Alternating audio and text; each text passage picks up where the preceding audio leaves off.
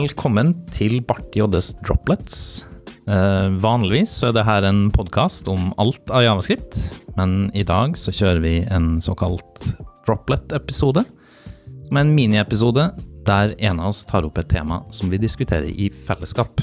Eh, og denne gangen her så har jeg med meg et eh, tips, egentlig. Eh, et teknisk tips som jeg håper vi kan eh, snakke litt om eh, når jeg er ferdig med min korte intro her. Um, det har seg slik at jeg fikk eh, nettopp en ny maskin, utvikler-PC, til å ha på jobb. Eh, og da hadde jeg et ønske om at den skulle være så ren som overhodet mulig. Den skulle helst ikke ha noe NodeJS installert, den skulle ikke ha Git installert. Eh, og så må jeg kanskje nevne at de sitter på Windows, da. Eh, og da eh, begynte jeg å se på eh, Visual Studio Code, som nylig har kommet med en extension som heter Remote uh, Skal vi se eh, Remote Containers. Ja. og den fant jeg så interessant at jeg måtte lese meg litt opp på det. Fant ut at det her passa jo som hånd i hanske for mitt use case. Så da sørga jeg for at jeg hadde nyeste versjon av Windows installert. Eh, jeg installerte VSL2. Beklager. Eh, og det er da eh, Windows Subsystem for Linux, heter det. Som egentlig er en ja, si en Linux-kjerne som kjører i kontekst av Windows. Um, relativt uh, ny greie, kan vi si. Den har eksistert lenge i VSL1, men den var litt sånn skittig, har jeg forstått. Og så har VSL2 vært i preview ganske lenge, men nå har den kommet til Windows 10, i hvert fall. Så jeg installerte den. Installerte Docker. Eh, Docker greier å bruke VSL2 som backenden sin. Eh, du bruker Windows Store til å laste ned et eh, image av en Linux-distro, uh, f.eks. Ubuntu, og koble alt det her sammen. Og det gjør at du kan bruke remote containers i Visual Studio opp mot da Docker som kjører på VSL2. Det var litt sånn what the fuck å sette opp, men det var ikke så vanskelig heller. men resultatet da er at jeg kan åpne opp Visual Studio Code, som er installert på min Windows, koble meg opp automatisk til en container som kjører i Docker, som har rimelig bra performance mot uh, egentlig sitt OS, da, kan vi si. Ganske kule greier. Og så har jeg lyst til å dele enda et tips, da, når du først, når du først er her. Um, for um, den eh, containeren da, som kjører i bunnen her, den, den har egentlig uh, muligheten til å lese fra Windows sin, uh, sitt filsystem, egentlig, da. Men det er litt treigt, så det man må gjøre, er egentlig å eh, åpne opp terminalen til da den distroen du kjører, og så eh, CD det inn i den eh, folderen du har lyst på, og så eh, åpner du opp Visual Studio Code via terminalen ved å skrive code mellom punktum. Og så eh, åpner det opp Visual Studio Code i den folderen. Eh, du kjører kontroll E, på min PC i hvert fall. Kontroll P, kanskje. Da? For å få opp den eh, command-palleten. Ja, det er skift command P på Ja. Men et eller annet for å få opp den. Og så skriver du uh, remote containers, open folder in container, tror jeg. Og da bare fiks den. Da kan du velge uh, ja, Visual Studio Code kommer med en del sånne De har en del templates, da. uh, For å lage en container ut ifra den mappa di, da. Så du kan velge jeg vil ha Node-containeren. Det du får da, er egentlig en, en dev-container JSON-fil som sier litt om hvilke extensions og sånn du vil ha installert inni den containeren. Og så får du en docker-fil som du da kan endre på sånn som du vil. Um, med det nette resultatet da, at min PC den har ikke Git, og den har ikke Node, men den har Docker, og that's it.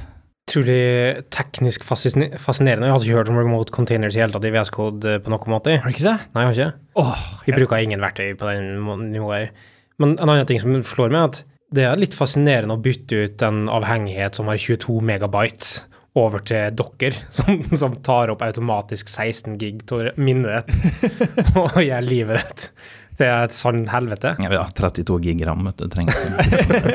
Men der kommer kanskje mitt spørsmål inn nå, da. Hva er årsaken? Eller hva, hvorfor ville du ikke ha Node Git installert på Nei, maskinen? det, det var mest det for å, for å slippe å, å forholde meg til eh, versjoner av ulike ting, da. Um, den docker-fila kan jo automatisk eh, installere en Node-versjon for meg.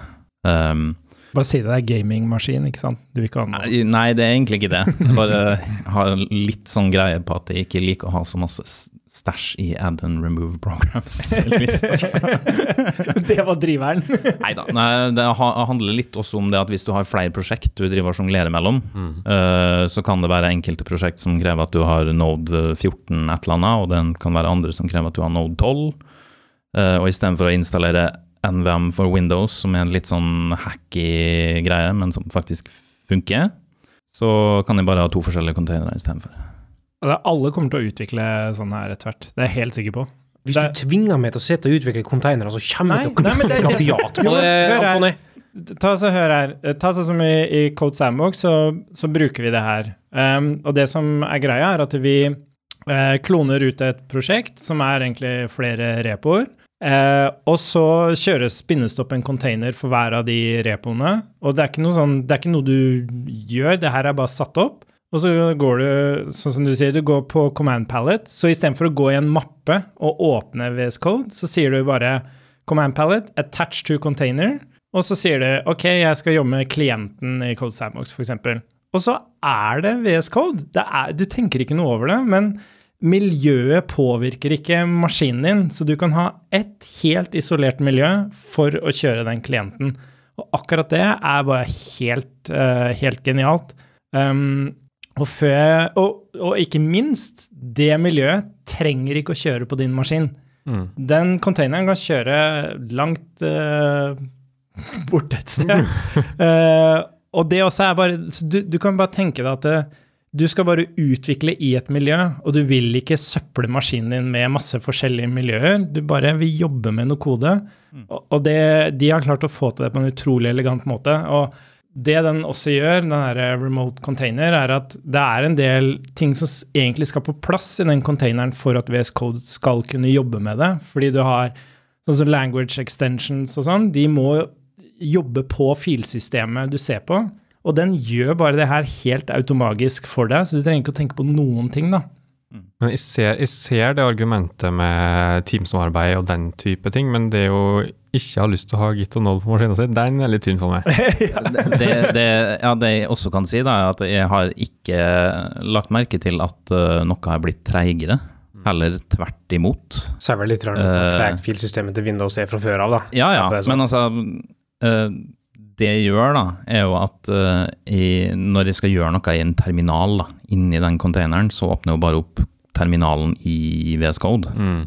Uh, og Git på Linux, uh, det er noe helt annet enn Git på Windows, altså. Mm. En, en rebase på Linux, den går på Mens en rebase på Windows, den tar mange sekunder. Ikke sikkert mikrofonen eh, tok det opp, men det var et lite knips. det var, ikke, det var ikke et imponerende knips, da. Nei, nei. Og så har du det, kanskje en annen fordel med at du får eh, Linux eh, file watchers istedenfor Windows file watchers. mm. Linux er kanskje bedre på det.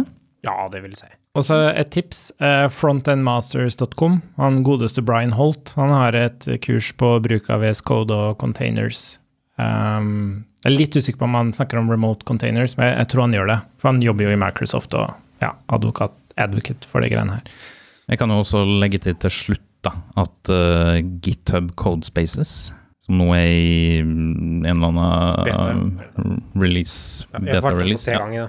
det er i praksis remote containers. Ja, så you've been tricked. Jeg har ikke, brukt de. Jeg installerte heller Git og Node på maskinen min. Så funka jeg automatisk. Ja, for det, altså det sånn, jeg, Nå har jeg ikke sett så veldig masse på det, men det gir det egentlig Visual Studio Code i nettleseren din, men det gir det også muligheten til å, å bruke Visual Studio Code-appen og bruke remote containers-featuren til å koble det opp på den containeren da, som kjører hos Microsoft, eller GitHub. da. Mm. Kult. Og da tenker jeg at det er på tide å avslutte. Takk for at du hørte på, og så høres vi igjen i neste episode.